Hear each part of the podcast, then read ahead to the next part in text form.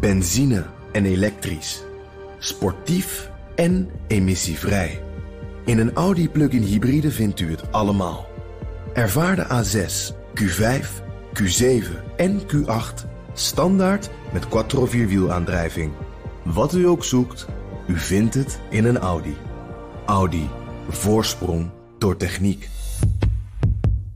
De column van Bernard Hammelburg.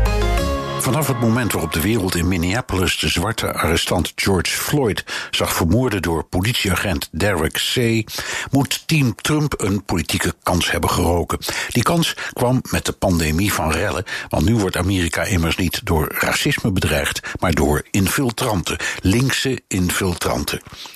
Trump trok alle registers open. Hij mobiliseerde via een oude wet de krijgsmacht, die normaal niet op Amerikaans grondgebied mag opereren.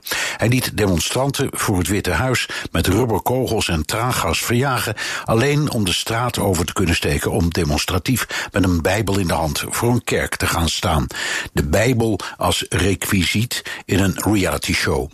Hij profileerde zich als de sterke leider die met Gods woord in de hand het volk net op tijd wegsleept voor de poorten van de linkse hel. Er zal best wat van die beschuldigingen kloppen, maar er zijn evenveel aanwijzingen dat een stevige brigade white supremacists gretig meedoet aan het vechten, brandstichten en plunderen.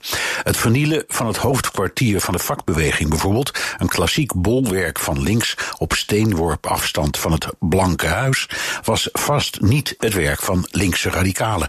Team Trump doet dus aan selectieve verontwaardiging. De waarheid doet er niet toe.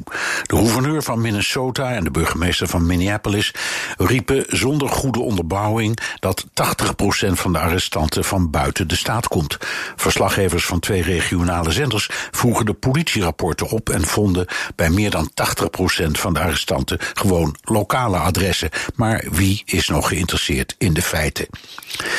Team Trump verlegt de aandacht heel behendig van de vraag waarover de demonstraties gaan naar hoe ze gaan.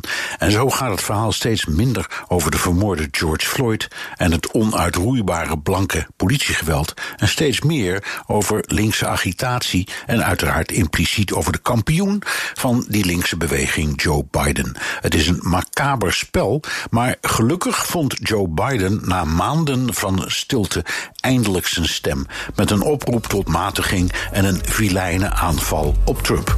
Het hangt van hem af of het Blanke Huis weer het Witte Huis wordt. Columnist Bernard Hammelburg. Terugluisteren? Ga naar bnr.nl of de BNR-app. Benzine en elektrisch. Sportief en emissievrij. In een Audi plug-in hybride vindt u het allemaal. Ervaar de A6, Q5, Q7 en Q8 standaard met quattro vierwielaandrijving. Wat u ook zoekt, u vindt het in een Audi. Audi. Voorsprong door techniek.